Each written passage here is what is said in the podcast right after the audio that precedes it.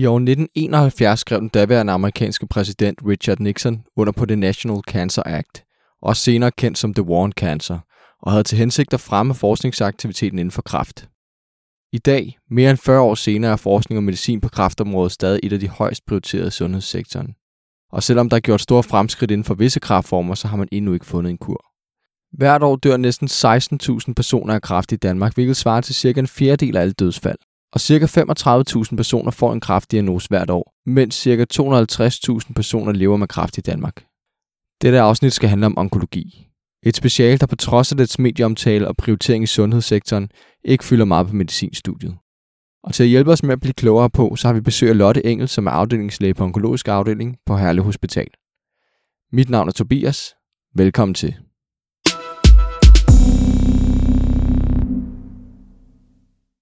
Jamen, øh, velkommen til, Lotte. Tak skal du have. Og tak fordi du vil være med i programmet. Du er uddannelsesansvarlig afdelingslæge på onkologisk afdeling på Herlev Hospital. Og øh, i den indledning har jeg jo en lille conflict of interest, da vi arbejder sammen. Ja, det gør vi. Og jeg er prækobu på den samme afdeling, og faktisk også i lungeteamet, hvor du også er jo. Ja. Men derfor skal du ikke slippe for de, de svære spørgsmål, og jeg vil gøre mit bedste for at være objektiv. Mm. Men øh, vil du ikke starte med at præsentere dig selv? Jo, jeg hedder Lotte Engel Nørgaard og er afdelingslæge her på Herlev Onkologisk Afdeling, og øh, blev speciallæge for to år siden og har været her siden. Jeg er uddannelsesansvarlig og øh, er i lungeteamet, og det tror jeg var det.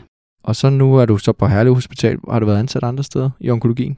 Ikke øh, ud over selve hoveduddannelsen. Nej, Der hvor var du der faktisk så? været her. Der var jeg øh, først et år på Roskilde, hvor jeg Mhm. havde hematologi og kardiologi Ja. som en del af min intern medicin. Så var jeg her på Herlev i tre år på onkologisk afdeling, hvor jeg var rundt i de forskellige teams, og sluttede af med et år på onkologisk afdeling Roskilde. Okay. Men skal vi ikke prøve at snakke uh, lidt om onkologi generelt? Og jeg vil forsøge at læse uh, Sundhedsstyrelsens definition af specialet op. Og så må du meget gerne uh, sige, om du er enig, eller om der er et eller andet, du vil tilføje. Mm. Klinisk onkologi omfatter forebyggelse, diagnostik, ikke-kirurgisk behandling, pleje, palliation og rehabilitering af patienter med kræftsygdomme i samtlige organsystemer. I klinisk onkologi er der følgende kerneopgaver. Stråleterapi, kemoterapi, hormonterapi, målrettet biologisk behandling, immunterapi, understøttende behandling og palliativ behandling og terminal pleje. Er der noget i den her definition, som, som du synes, der er forkert, eller et eller andet, der skal specificeres mere, eller er der noget, der mangler? Det jeg tænker er, at diagnostikken ligger jo ikke i onkologien, som Nej. det er nu. Diagnostikken ligger ud på de udredende afdelinger. I mit tilfælde med lungekancer, så lærer det på lungemedicinsk afdeling, hvor de udreder, og vi modtager dem først, når de er færdigudredt. Derudover så er det sådan, at her på Herlev, der øh, tager vi heller ikke den terminale pleje og den sidste palliation af patienterne. Fordi når, når vi er færdige med at give dem den medicinske eller strålebehandling, de kan tåle at få, afslutter vi dem til palliativ team eller til egen læge, til hospice, afhængig af hvordan. Og så er det dem, der tager sig af den terminale pleje af patienten. Ja, og nogle gange bliver de faktisk også koblet til tidligere i forløbet, at de for eksempel har mange smerter, eller sådan noget, som de er bedre til at håndtere end. Det gør de bestemt. Ja. Vi bruger rigtig meget af de palliative afdelinger og udkørende palliativ team til at hjælpe os med de her komplicerede øh, problemstillinger, som mange af vores patienter har. Ja. Vi er simpelthen ikke til rådighed til at kunne, kunne køre de der helt tætte palliative forløb. Nej. Det kræver meget tæt opfølgning. Og så er der øh, et par ting, vi sådan lige skal have specificeret, fordi at jeg er sikker på, at de fleste derude øh, kender strålebehandling og kemoterapi fra medicinstudiet, men skal vi lige have specificeret lidt mere, hvad er hormonterapi egentlig? Hormonterapi, det er øh, noget, man giver til de sygdomme, som er hormonfølsomme. Det kan være brystkræft, det kan være prostatakræft, hvor at, øh, at man kan gå ind, fordi at hormonerne gør, at sygdommen vokser hurtigt, så kan man manipulere dem, om jeg så må sige, sådan så at man hæmmer væksten af sygdommen Okay, via hormoner. vi har jo hørt også om immunterapi, det er jo sådan det nye. Ja. Men øh, hvad er målrettet biologisk behandling, og hvordan er det forskelligt fra immunterapi? Immunterapi, der går du ind og manipulerer kroppens eget immunforsvar til at være mere aggressivt over for kræftcellerne, for at sige det sådan meget populært. Hvorimod målrettet behandling eller targeteret behandling, der går man simpelthen ind og påvirker signalvejene inde i selve cellen for at få stoppet proliferationen af cellen, altså væksten af kræftcellerne. Og inden for for eksempel lunge, der er det jo sådan, at man gentester og ser, øh, om de har nogle specifikke udtryk af gener, som man kan targetere med den her behandling. Ja. Og der har vi øh, nogle øh, aktiverende EGFR mutationer eller nogle ALK-translokationer, og det er simpelthen noget af det, der bliver undersøgt for via patologerne, når patienterne bliver udredt. Okay, så det, øh, det synes jeg hjælper os til at forstå det lidt bedre. Men hvordan, øh, hvordan ser en typisk arbejdsdag ud for en afdelingslæge eller en overlæge i onkologien? Vi har typisk sådan lidt forskellige specialer. Vi har alle sammen ambulatoriedage, og hvor mange vi har, det er lidt, hvad vi ellers laver. Personligt har jeg stråleterapi. Jeg har administrationsdag, hvor jeg laver blandt andet mit øh, uddannelsesarbejde, og så har vi øh, ambulatoriefunktionen. Så er der selvfølgelig stuegangsfunktionen også, som skal dækkes. Og så har vi MDT'er, altså multidisciplinære konferencer, mm. som vi også dækker. Okay. Skal vi lige prøve at gå lidt mere ind i de enkelte funktioner? Hvis vi starter med ambulatoriet. På Herlev i hvert fald, der har vi opdelt i UG, altså som er ugenital cancer, og HT, som er hoved, hals og lunge, og så er der GI, alt i mavetarmsystemet. Mm. MAMA, og så er der den eksperimentelle enhed, som har malin melanom. Er det også sådan, øh, man inddeler det andre steder, eller hvordan? Nej, det behøves det ikke at være. Man kan sagtens indordne det på andre måder, og det er afdelingsledelsen, der ligesom vurderer, hvordan det er smartest at inddele øh, okay. de forskellige teams. Ja, okay. Altså, hvis vi snakker lidt om arbejdsopgaverne i ambulatoriet. Man tager imod nye patienter, hvor I ligesom tager beslutningen om, hvilken slags behandling patienterne skal have ud fra den cancer, de debuterer med. Ja. Kan du fortælle lidt mere om alle de overvejelser, I har, når I modtager en patient? Ja, vi, øh, vi modtager jo helt primært en henvisning fra den udredende afdeling, eller hvor patienten øh, kommer fra. Og der øh, skal vi jo så have nogle forskellige oplysninger om patienten, både øh, hvad har de af komorbiditet, i vores tilfælde ryger de stadigvæk. Hvad har de været ryger? Der er også nogen, der ikke er ryger. Hvad, øh, hvad viser deres patologi? Hvad siger PET-scanningen? Er det udbredt sygdom, eller er det lokaliseret sygdom? Og ud fra det, så finder vi ud af, hvad for en behandling vi kan tilbyde patienten. Så det er nogle overvejelser, der er gjort allerede inden patienten overhovedet møder i ambulatoriet. Ja. Så er det klart, at når vi sidder og snakker med patienten, så finder vi ud af, hvordan patienten reelt har det. For det er jo ikke altid, der er helt overensstemmelse med, med de oplysninger, vi har kunnet få fra journalen til, til det menneske, der sidder foran os. Og øhm, der, der taler vi jo også om, hvad patienten ønsker. Vi har jo øh, folk, der kommer ind og siger, at jeg vil slet ikke have nogen behandling, og så må man jo gå videre derfra og finde ud af, hvordan skal deres forløb med deres kræftsygdom så være. Mm. Og så i forløbet, når de så starter behandlingen op, så scanner I dem regelmæssigt og ser, om de reagerer på behandlingen, eller om ja. øh, sygdommen bliver ved med at vokse. Kan du fortælle lidt om, hvad I, hvordan I følger patienterne? Fuldstændig rigtigt, at vi ser dem, og så opstarter vi, øh, lad os sige, et klassisk forløb med noget immunterapi eller kemoterapi. Der vil det typisk være sådan, at de får tre til fire behandlinger, og efterfølgende bliver scannet. Og der plejer at gå cirka tre måneder imellem deres scanninger. Når så de kommer til scanningen, så snakker vi selvfølgelig om, hvordan det virker. Forud for øh, behandling, hvor de får ordineret deres behandling, der taler vi også med patienterne om, hvordan tåler de behandlingen, øh, hvordan ser deres blodprøver ud, kan de overhovedet tåle at blive ved at få den her behandling, mm. eller må vi stoppe og finde på noget andet undervejs. Ja. Når så de kommer til det svar, så tager vi jo så højde for, om de skal have yderligere behandling, eller gå i behandlingspause, eller hvad der skal foregå der. Ja, og så der har I jo det, i hvert fald her på Herlev, der hedder Subunit. Det har vi, ja. Kan du fortælle lidt om, hvad, hvad det er? Ja, det er hver morgen. Der har vi en halv time sat af, hvor vi øh, gennemgår dagens patienter, og det er især med henblik på øh, de yngre læger. Vi har ikke sådan, så vi har nogle lette stuer til de yngre og nogle svære stuer til de seniorer. Vi har det hele mixet sammen, og det betyder også, at der er behov for, at der er meget massiv supervision, og vi skal være lidt tilgængelige for spørgsmål. Mm. Så vi starter simpelthen morgenen med, at øh, alle har forberedt deres ambulatorie, og så øh, gennemgår vi, hvad der er scanningssvar, hvad der er problemer med de givende patienter, der kommer i løbet af dagen, og øh, får lagt planer, velvidende, at de kan laves om, når patienten kommer ind ad døren og vil noget helt andet, eller præsenterer sig med et andet problem, end det vi havde regnet med. Ja, og det synes jeg jo er super, super fedt, øh, især som, som ung læge, at der er nogle rigtig gode rammer for at være ny. Øh, selvom det er et meget, meget svært speciale, så mm. er der ligesom nogle gode rammer for, at man øh, kan spørge om hjælp. Så det synes jeg er super fedt at også bare følge med i, i jeres beslutninger. Øh, selvom jeg ikke selv sidder med, med den problemstilling, så kan jeg ligesom øh, tidligt få et indblik i, hvad det er for nogle beslutninger, I står overfor. Det synes jeg er super, super spændende og fedt. Og vi bruger det også meget internt, kan man sige altså også speciallæger imellem. Hvordan kommer vi videre i det her? Vi har fået et nyt forskningsresultat. Hvornår må vi tage det i brug? Og til hvad for nogle patienter? Og er det overhovedet relevant til en helt specifik patient at give et eller andet stof? Mm. Og så kan man sige, at generelt så onkologiske patienter, de kan være meget syge, og de kan præsentere sig med nogle ret svære sygdomme, både relateret til deres cancer og andre ting.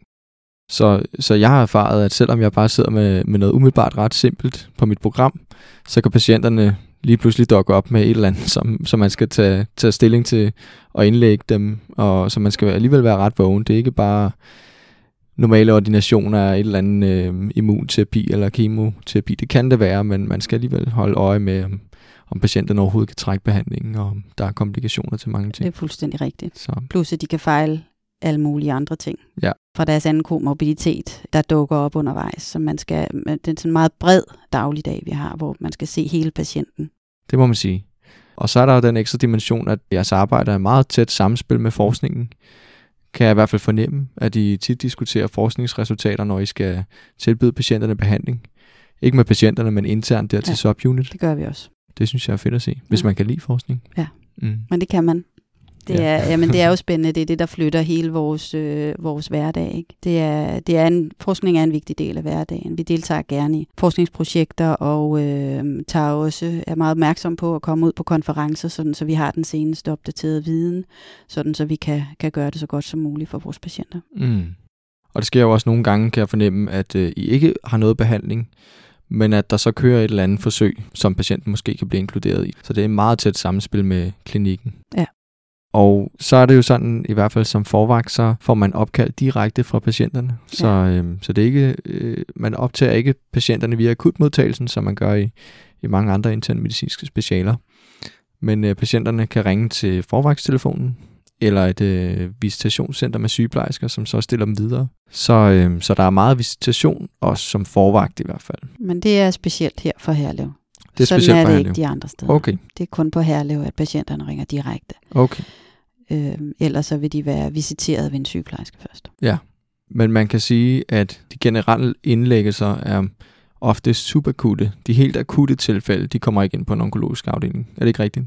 Hvis det for eksempel er op til AKS eller noget, så kører de direkte til kardiologisk afdeling. Ja. Ja. Så på den måde akut, der er, det, øhm, der er det til de medicinske eller de relevante afdelinger, hvor det Mm. nu kan være.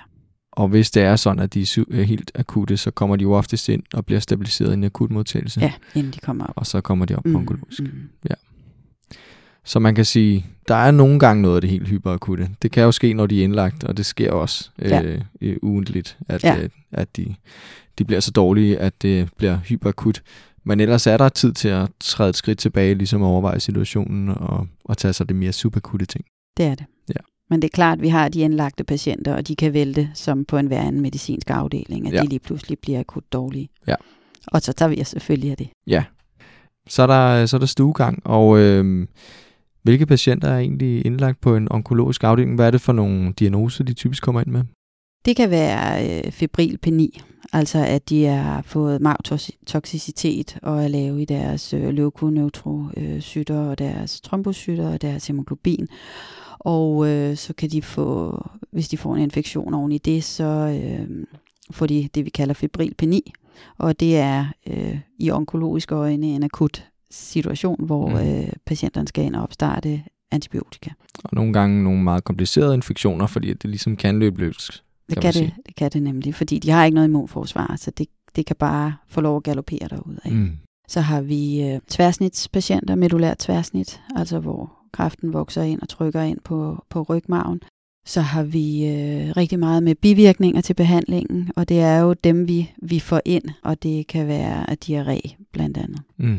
Og så er der jo de immunrelaterede bivirkninger, som, øh, som er noget relativt nyt i hvert fald. Mm. Kan du fortælle lidt om, hvad, hvad det kan være? Det kan jo nærmest være alt med it efter. Det er fuldstændig rigtigt. Det er fuldstændig rigtigt. Så men hvad ser vi typisk? Der kan det være øh, hudtoksicitet, og det kan være diarré. Vi kan se, at de får påvirket deres hormonakser, så det kan være hypofysit, hvor de får påvirket hypofysehormonerne. Vi kan se diabetes, vi kan se påvirkning af skjoldbruskkirtelfunktionen. Altså, det kan være rigtig mange ting. De typiske, vi ser, det er kolit og pneumonit. Ja. Er det ikke rigtigt? Det er Jo. i hvert fald ty- de typiske differentialdiagnoser, Ja. der oftest er, har jeg lagt mærke til. Og så er der også de mere sjældne, alle de der hypofosit, myokardit, Mm, mm. pankreatit, hepatit. Men i princippet kan de jo egentlig blive indlagt med alt, og det er det med onkologien har jeg erfaret, at jeg konfererer i hvert fald altid med min bagvagt næsten, fordi at øh, det har overrasket mig flere gange, at noget, der måske virker ret simpelt, så øh, er det bare kompliceret, ja. fordi de får onkologisk behandling. Ja, ja, Så det skal man kunne lide, hvis man går ind i onkologien. det skal man kunne. Og så er det jo meget bred intern medicin, så der er meget samarbejde med de andre specialer. Ikke? Ja. Så øhm, hvilke, altså, og det afhænger selvfølgelig af, hvilken, øh, hvilket team man er i. Hvis man er med UG, er det typisk gynækologer og urologer og sådan Ja. nogle ting. Men, øh, men der er jo også, øh, kan man sige, ved de immunrelaterede bivirkninger, har vi tit kontakt til gastroenterologer eller andre interne medicinske specialer. Hepatologerne og Ja, ja, ja. nefrologerne, Ja. endokrinologerne især. Ja. Og, øh, men så er der den ekstra dimension, at man nogle gange skal overveje at, at ikke at give behandling. Ja. Ja. Kan du øh, fortælle lidt om, hvad, hvornår I overvejer det, og hvordan, hvad der ligesom er med i den beslutningsproces? Der er det to forskellige øh, muligheder, kan man sige. Der er både det, at man forholder sig til det, mens de er i ambulatoriet, at man simpelthen taler med dem om, at nu øh, er der vækst af sygdommen, eller nu kan de ikke tåle behandlingen, og man simpelthen får sat nogle ord på, om øh, hvad der så skal ske, eller ikke ske. Og det er sådan, at faktisk er det lettere bare at behandle, end at tage den svære samtale, som det er, at, øh, at nu skal de ikke have mere behandling. Men det er rigtig vigtigt, at vi hele tiden holder os for øje og få informeret patienterne, og også om, hvad forventer vi af den behandling, vi giver. Fordi nogle gange kan man sige, at vi kan godt give noget kemoterapi, men hvad er den reelle overlevelsesgevinst, hvis der overhovedet er nogen på at give den? Og den snak skal man tage med sine patienter. Mm. Så det kan man sige, det er sådan det ambulante forløb. Så er der selve øh, indlæggelsesforløbet, altså hvor de kommer ind og er akut dårlige af en eller anden tilstand, som er kommet oven i deres kræftsygdom. Og der må man jo vurdere, og det gør vi jo jævnligt og diskutere, og det er jo altid en vurderingssag, og det er smadret svært. Men skal den her patient nu på intensiv for eksempel, hvor langt skal vi gå i vores behandling? Hvor er patienten? Hvor er de pårørende i det her? Og hvad, hvad er rimeligt at gå i gang med? Fordi et langt behandlingsforløb på en, øh, under en indlæggelse og eventuelt på ITA trækker jo tænder ud i så mm. det er Mm. vigtigt, at man øh, holder sig for øje, hvad målet med den behandling, man giver hele tiden er. Og øh, så er der stråleterapien, og der har, jeg, der har jeg faktisk ikke noget at være endnu. Men hvilke cancer giver man strålebehandling? Det gør man til, øh, altså med, jeg vil starte med at sige, at man kan give strålebehandling på to måder. Man kan give den kurativt, altså med henblik på at få sygdommen til at, at gå væk. Mm, og det Og vil så kan- oftest være i stedet for operation, eller kan Ja. det være nogle Ja, gange? det kan det nemlig være. Eller man kan give det pallierende, altså med henblik på at lindre et eller andet. Den kurative, det giver vi til øh, hovedhalscancerpatienter, vi giver det til lungecancerpatienter, blærecancer, prostata. Der er mange forskellige diagnoser, man kan give. Og man kan sige, at den øh, palliative, det er stort set alle diagnosegrupper, men der er mange lungecancerpatienter, mange, mange mammacancerpatienter øh, og prostatacancerpatienter, som har behov for pallierende strålebehandling mod for eksempel knoglemetastaser, mm. medulær tværsnit, altså mm. det vokser ind. Ja. Og så vil jeg lige sige, så er der også den adjuverende strålebehandling, som bliver givet til for eksempel brystkræftpatienter, som er blevet opereret, og det hele er egentlig kommet ud, men forebyggende giver man strålebehandling for at forhindre, at der kommer recidiv Ja. tilbagefald af sygdommen. Og, øh, og, og dernede i stråleterapien, hvilke faggrupper arbejder I sammen med dernede? Der arbejder vi øh, tæt sammen med øh, fysikere, dosisplanlæggere, ja. radiografer, radiologer. Og det handler jo om, at man øh, får lavet en CT-scanning, nogle gange en MR, nogle gange en PET, men i hvert fald en eller anden form for billeddiagnostik, hvor vi skal finde ud af, hvad er det her, der skal have strålebehandling. Og de hjælpes vi ad med simpelthen at få indtegnet, hvor ligger tumor og få lagt nogle magner på, hvor er der risikoorganer. Og det er lægen, der tegner det ind, og nogle gange får vi lidt hjælp fra nogle dygtige radiografer, der kan tegne nogle risikoorganer. Og så bliver der ud fra det beregnet en stråleplan, som man så jo også skal diskutere, om den er god nok forstået på den måde, at man får nok dosis til selve tumor, men undgår at få for meget bivirkning, altså toksicitet og stråler, til det væv, man ikke vil ramme. Okay, så er det rigtigt forstået, at lægens opgave i det ligesom er at dels stille indikationen for det, men også øh, overveje, hvilke risikoorganer man skal tage højde for omkring targetlesionen. Ja. Okay, så der er bredt samarbejde der, må man sige. Det er der. Hvordan ser den typiske patientgruppe ud i onkologien? Hvis vi snakker sådan alder, akut kronikere, er det kort, lange forløb? Det giver lidt sig selv, men lad os tage den alligevel. De fleste kræftpatienter er jo lidt oppe i årene. Der er selvfølgelig nogle diagnosegrupper, hvor der også er yngre patienter, men mange af dem er ældre patienter. Størstedelen af det, vi laver sådan helt generelt på onkologisk afdeling, det er pallierende behandling. Mm. Vi har også, som jeg sagde, noget adjuverende, altså hvor de er blevet opereret, og også kurativ behandling, men størstedelen er det pallierende, de ældre patienter. Kvæg de ældre patienter har de også tit en del komorbiditet, vi også skal tage højde for. Og så er der så de yngre, som du nævnte, med Mm. med sarkomer, melanomer. Mm. Og nogle af de gynækologiske kan man selvfølgelig også yngre patienter. Ja, ja. Så, det, så det kan godt være, altså, der kan godt være noget aldersspredning på, Det er afhængig af hvilket subspecial man har, ikke? Jo, og selv kan man sige på lungekræft, som jeg sidder med, der, øh, der ser vi jo også helt unge patienter, der ja. Ja. kommer ind, selvom gennemsnitsalderen er omkring de 70. Hvis man læser på Sundhedsstyrelsens hjemmeside, så står der, at det skønnes, at 70-80% af alle kræfttilfælde kan behandles med kurativ intention. Og det er så ved hjælp af kirurgi, medicinsk behandling, stråleterapi eller kombination af det. Men det dækker jo sådan alt cancer, kan man sige. Og det, som fjernes helt komplet med kirurgi, det kommer jo aldrig til onkologer, vel? Nej, lige Nej. præcis. Hvornår i forløbet kommer patienterne typisk til onkologisk afdeling? Som sagt er det meste, øh, af det, eller meget af det, vi laver på en onkologisk afdeling, det er pallierende behandling, mm. og Mm. det vil sige lindrende.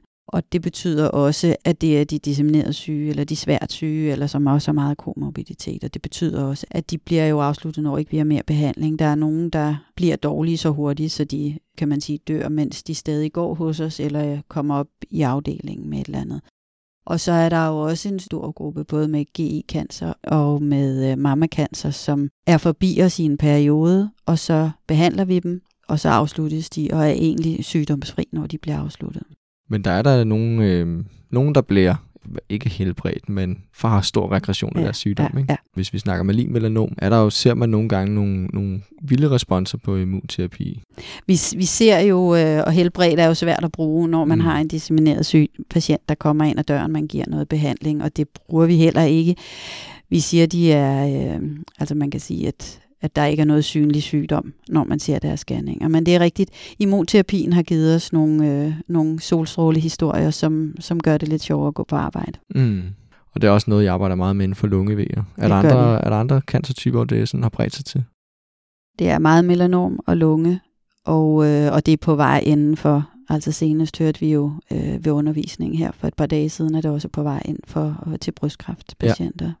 Yes. Og, og der er forskning på det hele tiden, og det er jo på alle øh, cancergrupper, de prøver at finde nogle, øh, nogle områder, hvor de kan se, om ikke de kan hjælpe patienterne med det. Så lad os snakke lidt om, hvordan specialet sådan varierer fra de store universitetshospitaler til de mindre og mere decentrale sygehuse. Der kan man sige, at på de mindre sygehuse, der er der øh, færre diagnosegrupper og de store diagnosegrupper. Så. Mm. det kan være lungekræft, brystkræft, øh, mavetarmkræft, som man ofte ser. Men så altså, er der nogle mere specielle øh, diagnoseområder, øh, som ligger inde på de større hospitaler. Ja. Øhm, men er man så mere generel onkolog på de decentrale sygehuse? Nogle gange er man, og det kan man sige, det er jo øh, afhængigt af, hvordan man deler det op.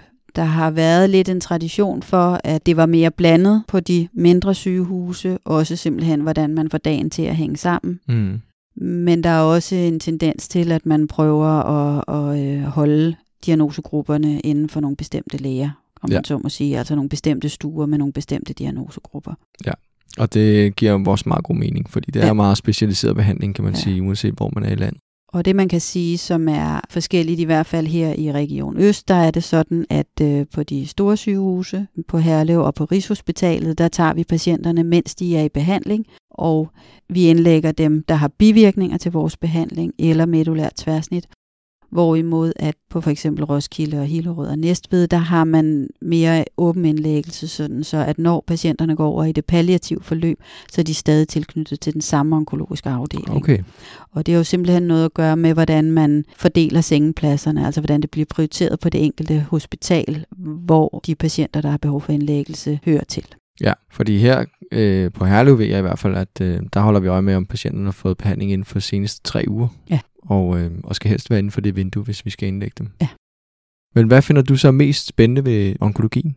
Jeg synes, at der er flere ting i det. Jeg synes for det første, den måde, man øh, inddrager patienterne i deres forløb, synes jeg er rigtig vigtig at man taler med dem, og der er et, et team omkring dem, altså også samarbejdet med sygeplejerskerne for eksempel, at man sørger for, at de får et ordentligt forløb, hvor man ligesom tager mere hånd om hele patienten. Så synes jeg, at den måde, vi øh, inkluderer forskning i hverdagen, vi bruger det for eksempel også i vores subunits, hvis man lige har set et nyt studie, eller der er blevet publiceret en ny artikel, så har man det med og lige nævner, hvis det er relevant i en given patientcase. Så, så det er særligt det med forskningen, ja. og så det er et, et samarbejde mellem flere faggrupper. Ja.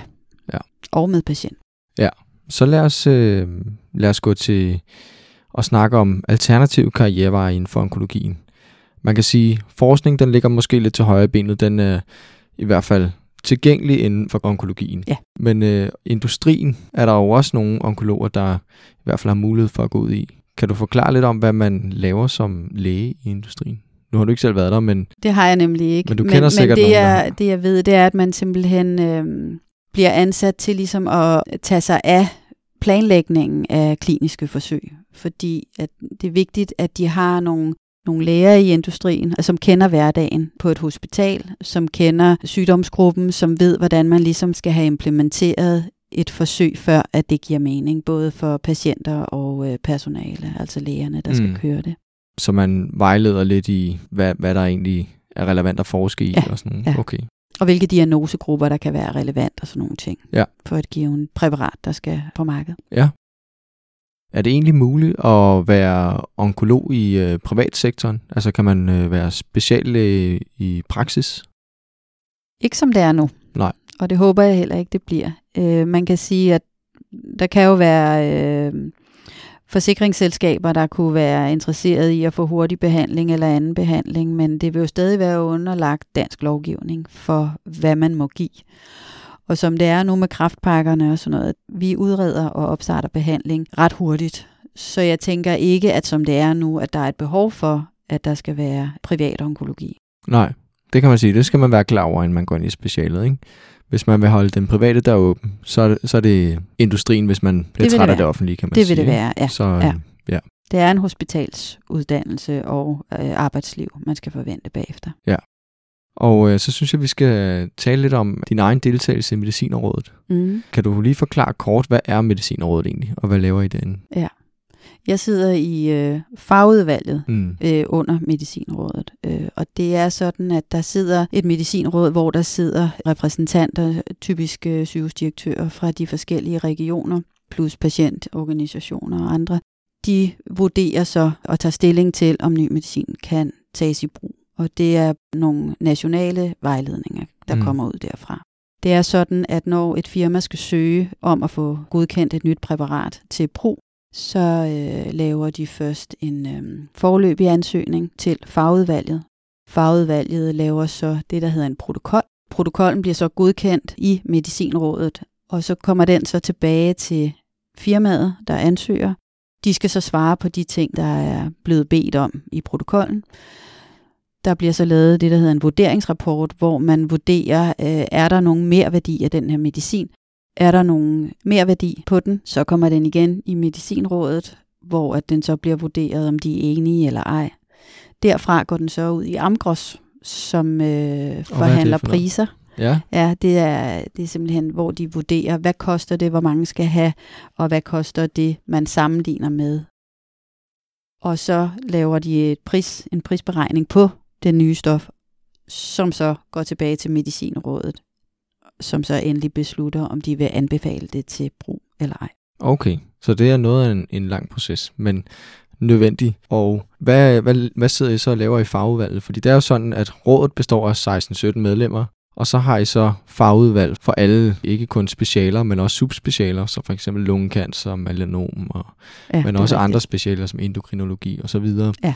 Og der sidder du så i, i fagudvalget for lungekræft. Ja. Og hvad, hvad laver fagudvalget? Der er vi simpelthen med til at, øh, at diskutere med sekretariatet, altså Medicinrådets sekretariat, hvad er det, der er vigtigt? Hvad, hvad synes vi vægter mest øh, i forhold til, man skal altid sammenligne med det, der er standardbehandlingen. Så man har en standardbehandling, og så har vi et nyt stof, som vi gerne vil have på plads og fundet ud af, hvor, hvor passer det ligesom ind. Og så må vi forholde os til, hvad er vigtigt her. Er det uh, progression-free survival? Er det overall survival? Er det bivirkninger? Hvordan skal vi prioritere dem i forhold til hinanden? Ja. Og altså, hvor lang tid forventer vi for eksempel, at der skal være øhm, overlevelsesgevinst, for at vi synes, det er relevant at tilbyde det ene frem for det andet. Ja, okay. Så tildeler vi øh, mere værdier, altså hvor, hvor, hvor stor eller lille mere værdi synes vi inden for de forskellige områder. Ja, det lyder meget spændende og komplekst. Det er det også. Så I sidder og gennemgår litteratur for, ja. for hvad der er evidens for de forskellige ting ja, osv.? Ja. Okay, så synes jeg, vi skal gå lidt videre med, med onkologien generelt. Og øh, der skal vi snakke lidt om vagtbelastning. Hvor meget vagtbelastning er der egentlig som afdelings- og overlæge? Det er jo forskelligt igen fra center til center. Ja. Her hos os på Herlev, der har vi ikke vagter.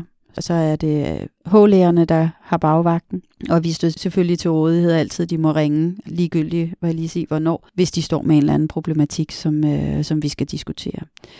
Men vi har ikke formaliseret vagt overhovedet. Nej. Og hvordan er det andre steder så?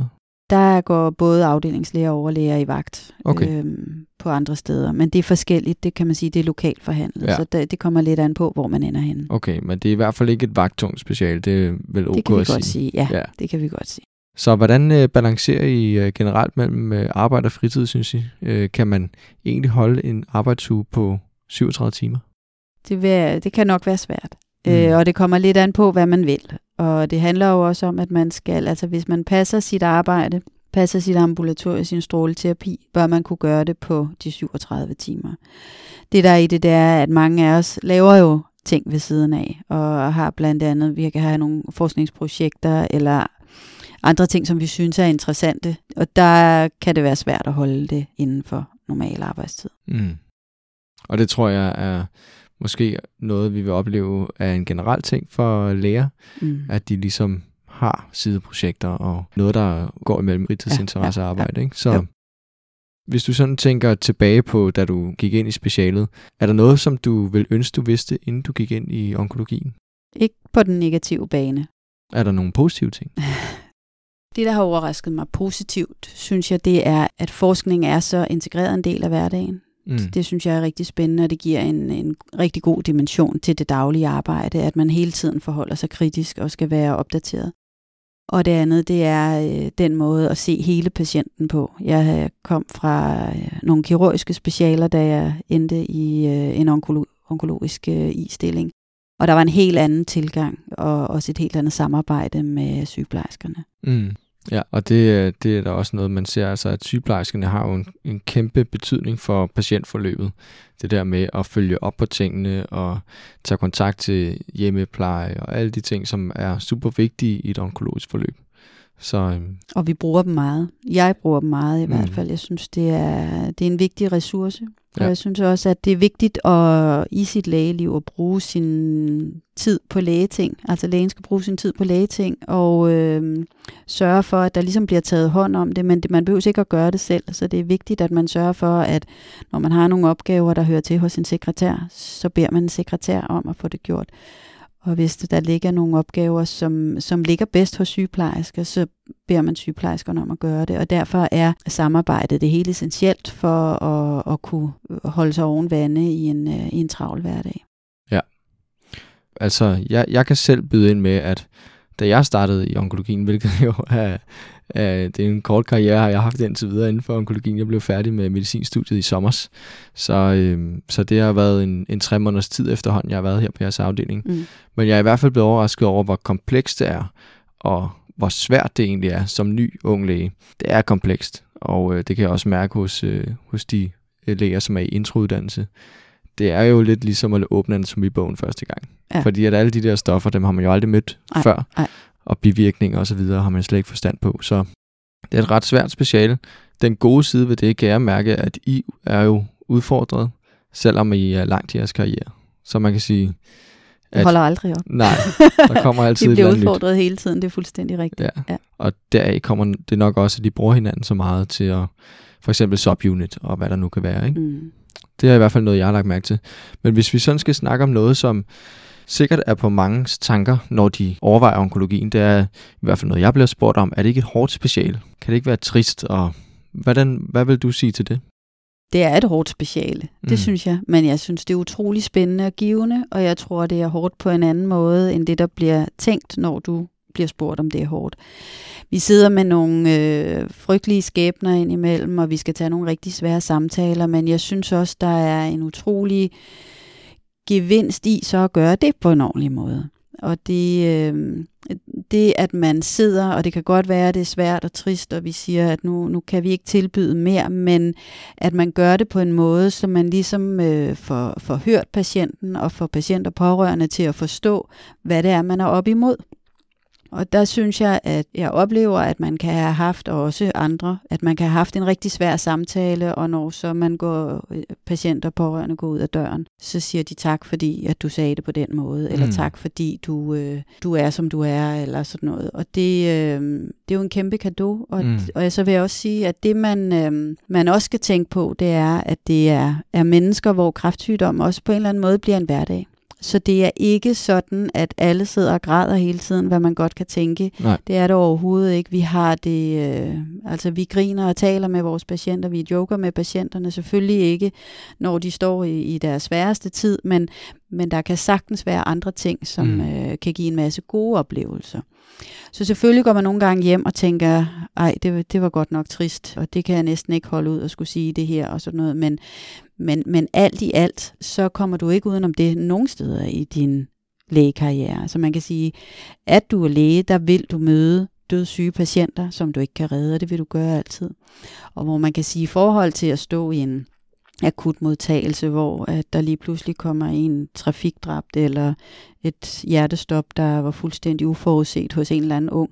Der her, der ved, der har folk noget tid til Mm. at, at vende sig lidt til, at de er alvorligt syge. Så Ja. på den måde, så jo er det hårdt, og jo, det kan være trist, at der er nogle strenge dage indimellem, men, øhm, men alt i alt synes jeg, at det giver mig utrolig meget. Mm. Også glæde, selvom mm. det er øh, syge patienter, vi har Ja. Det kan være livsbekræftigende at se døden nogle gange. Altså, at man ligesom bliver mindet om, at, at tiden er begrænset, og man skal mm. Nyde den. Men også, at, at man ligesom er med i, i den tid, som jo er en, en super stor del af patienternes liv. Ja. At de får en kraftdiagnose. Øh, det, det, fylde, det vil jo fylde noget i alles liv. Ja. Og at man får lov til at være en del af den, øh, synes jeg er ret unikt. Det er det også. Men, øh, men lad os øh, gå videre og øh, snakke lidt om, hvordan I vægter de nye, der skal ind i specialet. De fleste steder går man i hvert fald op i de syv lægeroller, men er der nogle af dem, I vægter mest? Ja, der kan man nok næsten gætte, at, øh, at forskning er jo, er jo noget, vi vægter højt. Mm. Altså så nu her på Herlev er der måske en del, der får øh, hoveduddannelse, som, øh, efter de har taget en Ph.D. Ja, der er rigtig øh. mange, der har Ph.D.'er. Ja. Øh, Og det er måske også, fordi det tiltrækker nogle typer, der er interesseret i forskning. Ja. Men er det, er det nødvendigt at have en Ph.D. for at blive onkolog? nej, det er det ikke. Nej. Det er det ikke. Men, men det er rigtigt, det er lettere at få sin hoveduddannelsesstilling, hvis man har en Ph.D. Øh, det, og, eller i hvert fald har noget forskning. Ja. Og det er jo også sådan, at i, i vores H-forløb, der har man jo øh, et forskningstræningskursus, sådan så dem, der ikke har, de skal have noget forskning. Altså man, man bliver nødt til i onkologien at have noget helt basisforskning, og man bliver nødt til at vide, hvordan man skal forholde sig kritisk til at læse en artikel. Ja. Og med basisforskning mener jeg ikke, at det skal være sådan på celleniveau, men at man har et basalt kendskab til forskning og til kritisk artikellæsning, Ja. bliver man nødt til at have. Ja, fordi I står over for de her beslutninger. Skal vi give det her eller det her? Ja. Nej, det her studie viste faktisk, at lige med den her sygdom eller den her type spredning, der er det bedre at give det her. Ja. Øhm, så det, det er i hvert fald noget, man tydeligt mærker på en onkologisk afdeling, at I hele tiden har forskning meget tæt på Mm. og er meget opdateret. Hvis nu at man godt vil lidt omkring, inden man går ind i onkologien, vil det skade? Altså, kan det blive set dårligt på, at man har været lidt omkring? Det mener jeg jo ikke, det kan. Øh, og jeg mener, at det kan øh, være rigtig godt at have noget, altså at man har noget klinisk erfaring, inden man kommer i onkologien. For du fortæller også, at den er meget kompleks. Altså der er folk, der er virkelig syge, så det kan være rigtig godt at have noget klinisk erfaring, før man kommer ind i onkologien. Og så kan man sige, hvad er det så, man skal vælge? Og der kommer det måske lidt an på, hvad man har af interesse i forvejen. Hvis man øh, skal ind med at være halsonkolog, kan det være rigtig fint at have haft noget øre-næse-hals-kirurgi, Mm. men også helt almindelig bred intern medicin er også rigtig vigtigt at have, fordi det er komplekse medicinske tilstande, vores patienter har. Det må man sige. Jeg tror faktisk ikke, at der er et special, jeg ikke har været i berøring med på en eller anden måde Nej. i forbindelse med mit ophold her på onkologisk og på sengeafdelingen. Nej. Fordi de har enten bivirkninger eller symptomer fra et eller andet organsystem, hvor man kunne have brugt en viden inden for det speciale. Det er rigtigt. Men er der nogle specialer, som vil være gode at gå efter, hvis man skulle have noget erfaring i forhold til onkologi? Der tænker jeg på endokrinologi kunne faktisk være rigtig godt. Det er jo kvæg immunterapien, ikke? Nefrologien er også øh, god at have, men det gælder i det hele taget. Og man kan sige, det der er med onkologien, det er så bredt, så selvom du bliver onkolog, så kan du vælge en subspecialisering, eller du kan blive ansat i et team, hvor at nogle ting er vigtigere end andre. Så Mm. man kan sige, hvis man har en eller anden interesse, så synes jeg, man skal gå efter den. Fordi man, man kan så jo blive onkolog, og så benytte sig af det bagefter. Ja. Så det Ja. kan være... Jeg tænker ikke, der er noget specielt, der giver. Nej. ekstra god mening. Nej. Fordi der er så, så mange facetter af onkologien. Mm. Og så, øh, så er vi faktisk nået til det sidste spørgsmål. Hvilke udfordringer står dit speciale overfor, og hvor ser du specialet om 20 år? Vi får rigtig travlt, tror jeg. Der kommer rigtig meget øh, ny behandling. Der bliver kombineret rigtig mange behandlingstyper i en, om jeg så må sige, for eksempel med kemoterapi og immunterapi og stråleterapi. Derudover så kommer det også frem i rækkerne, om jeg så må sige, sådan så at man for eksempel skal give behandling allerede før patienterne bliver opereret for deres kræftsygdom. Også selvom det forventes, at den kan fjernes radikalt, at den, de skal behandles efter deres operationer, og på den måde, så, så bliver der mere og mere. Det er jeg slet ikke mm. i tvivl om. Og øh, med det synes jeg, vi skal slutte her. Lotte, tak fordi at du vil være med. Det har Tak. været en fornøjelse. Og jeg håber, at jer derude, I kan bruge det, og at det går mere op for jer, hvad onkologien indebærer. Tak for nu.